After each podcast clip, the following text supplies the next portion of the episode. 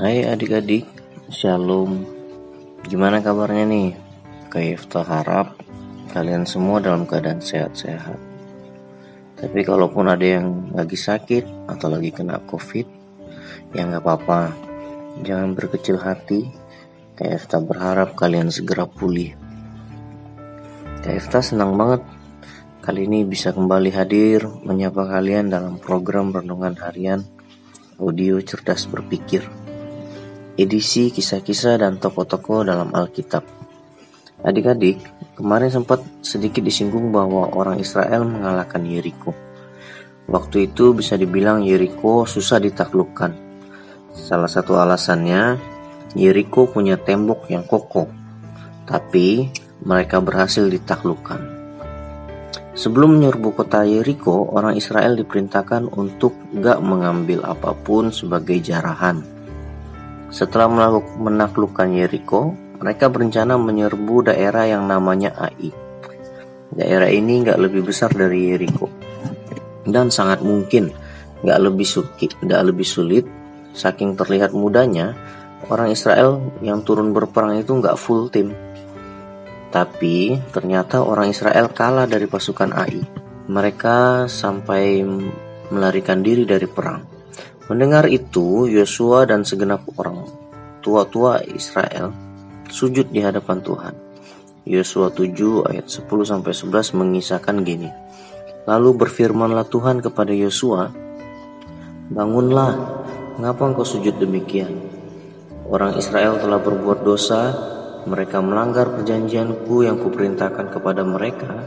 Mereka mengambil sesuatu dari barang-barang yang dikhususkan itu. Mereka mencurinya, mereka menyembunyikannya, dan mereka menaruhnya di antara barang-barangnya. Dan setelah diselidiki ternyata benar ada seseorang yang melanggar perintah itu. Namanya Akan. Gara-gara kesalahan Akan, bangsa Israel harus menanggung kesalahan perang melawan Ai. Bahkan 36 orang tewas di medan perang. Akan sudah membahayakan orang lain. Hari ini kita belajar satu hal. Ternyata dosa, kesalahan atau kecerobohan yang kita lakukan bukan hanya bisa membahayakan diri kita sendiri, tapi juga bisa membahayakan orang lain. Karena keserakahan, beberapa pihak membabat hutan dengan gak bertanggung jawab demi kepentingannya sendiri. Akibatnya, terjadi kebakaran hutan, pemanasan global, banjir, dan lain sebagainya. Berbahaya kan? Entah karena ketidaktahuan, eh, kecerobohan, atau karena nggak peduli, ada orang tua yang nggak yang merokok di dekat anaknya. Anaknya jadi perokok pasif karena menghirup asap rokok. Itu sangat-sangat berbahaya bagi si anak kan? Karena kita nggak bisa jaga perkataan, orang lain jadi sakit hati. Karena kita merendahkan orang lain dan itu ditunjukkan dengan melakukan bullying, orang itu terluka, hidupnya bisa hancur. Tentunya masih banyak contoh yang lain. Intinya, kita harus hati-hati dalam bertindak. Bukannya apa-apa, soalnya di akhir kehidupan nanti kita harus memberi pertanggungan jawab di hadapan Tuhan. Kayak yang tertulis di dalam Roma 14 ayat 12 yang bunyinya gini.